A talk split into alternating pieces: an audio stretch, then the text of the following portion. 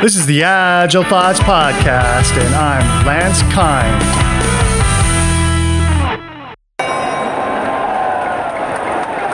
Safe, safe, safe, safe. Ladies and gentlemen, tonight, the main event. Let's get ready to scale Agile. Little silhouette of an scrum and scale, scrum and scale. You will Come on, Dad. Let's go get him, Dad. Come on, Dad. You've been working really hard. You've been working out every day. You're so disciplined, Dad. Let's go, Dad. Go in the ring. Get him, Dad. Less is more. Less is more. Come Less on, is more. Mom!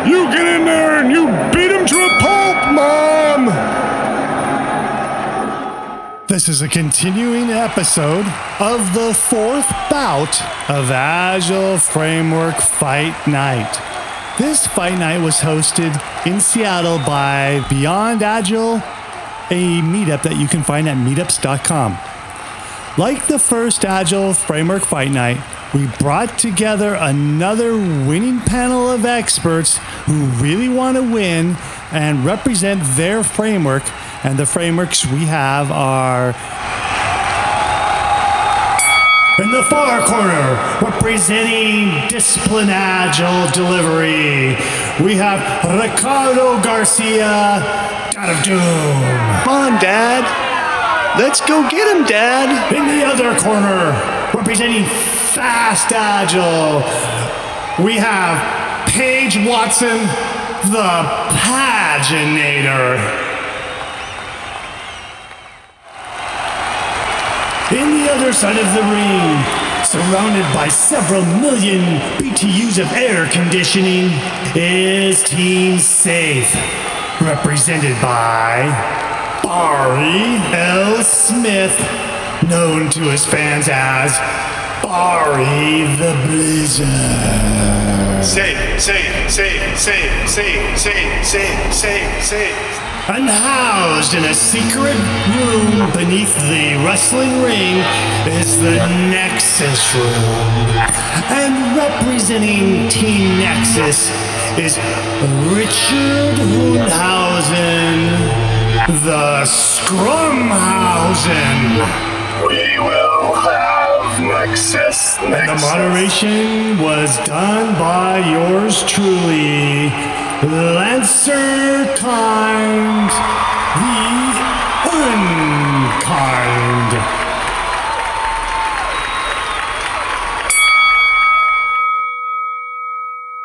Before Agile, large companies had a Byzantine path to getting funding for projects. After an Agile transformation with your framework, perhaps you've changed that. If you did or didn't, d- describe how localized the funding decisions are in your framework. This is one area that SAFE has actually focused on. I'm not aware of the other frameworks having sort of uh, have the audacity to try to stretch this far. SAFE is quite clear that one of the things that has to happen to achieve broader business agility is to look at the way that we fund value streams. And it's pretty simple. It's uh, you know we've had a lot of discussions about getting beyond beyond budgets, which is you know get away from the project thinking. We very much talk about the issue of building a portfolio kanban, coming to a you know a rational approach of defining priorities and then funding value streams in the organization on an ongoing basis and allocating work to the value stream in a good priority order. So we're constantly working on the continuous delivery and you know we're always assessing then the impact at the end of that value we delivered and deciding okay, are we done yet? You know, have we achieved the organization's goals? Have we done enough of that? Shall we go on to the next priority? So the, this this aspect of safe is very explicit and sort of more involved. So they began addressing this sort of in safe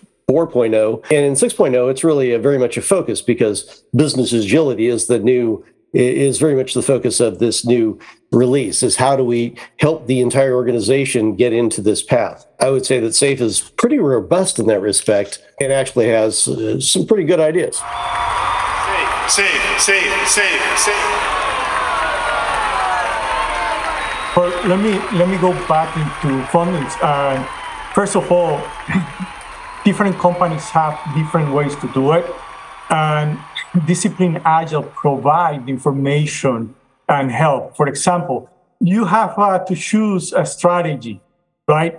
Are you going to fund your project by charging by fish, uh, fishers?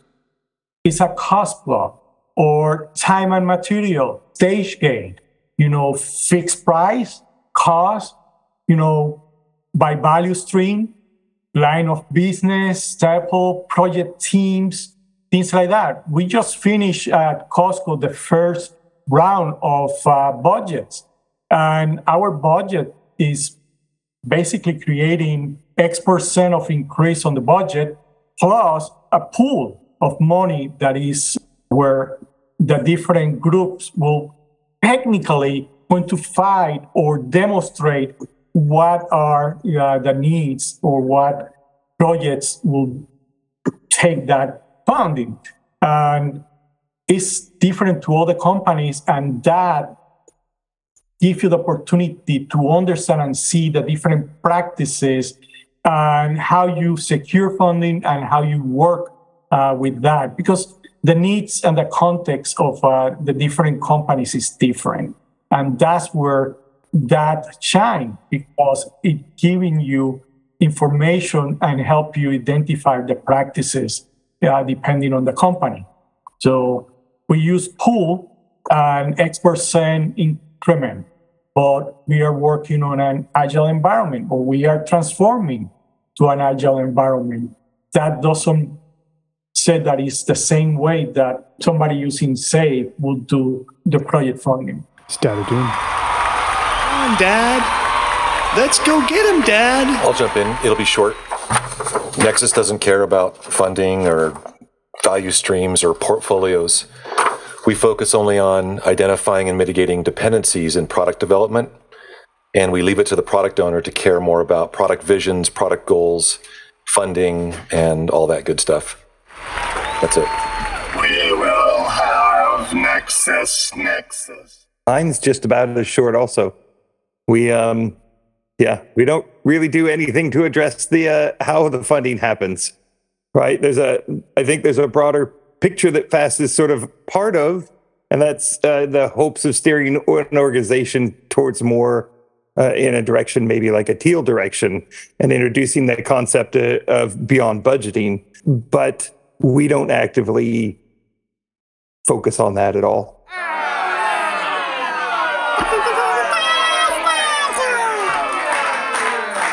Okay. Any questions, rebuttals? I've done really well when every six months, this organization had product managers giving the customer value what they wanted to give to the customer. At the same time, IT folks were saying, hey, we need this technology to be put in place by, you know, for this reason or that reason, we have to build this.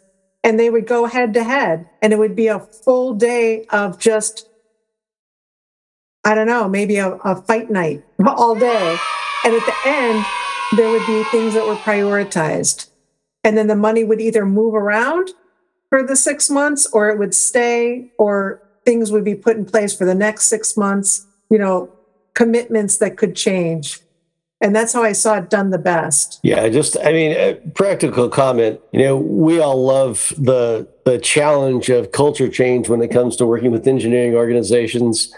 But that's simply a warm up to the knife fight environment that exists when you start to deal with executive level planning and messing with people's pet projects. And the, the simple fact is, when you actually begin to try to move entrenched executives into coming to a common valuation system and actually applying that to the relevance of the things they want to do that's when you find out what you know sort of entrenched opinions and cultural obstacles are like. So i that is one of the most challenging things i would say overall in an organization. You know compared to that you know getting a bunch of teams to do scrum is a piece of cake. But yeah it's i mean it's just uh, it's inherent in the way that our sort of tayloristic driven public entity organizations work right now. It's, it's, it's, it's a real problem.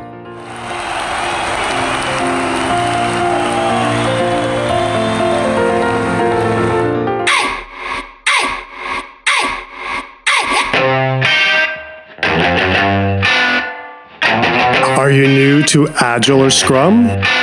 Looking for a fun way to pick up the knowledge to become an Agile team? Go get the novel Agile Noir. A dramatic novel about a project manager who needs to transform his teams to become agile because his life depends on it. This book is available in the US on Amazon, in India on Pothi.com.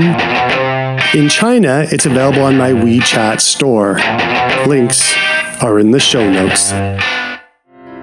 This is a continuing episode of Agile Framework Fight Night.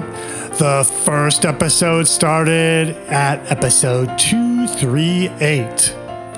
If you're interested in hearing our other Agile Framework Fight Nights, go to the show notes and there you will see links to bouts 1, 2, and 3.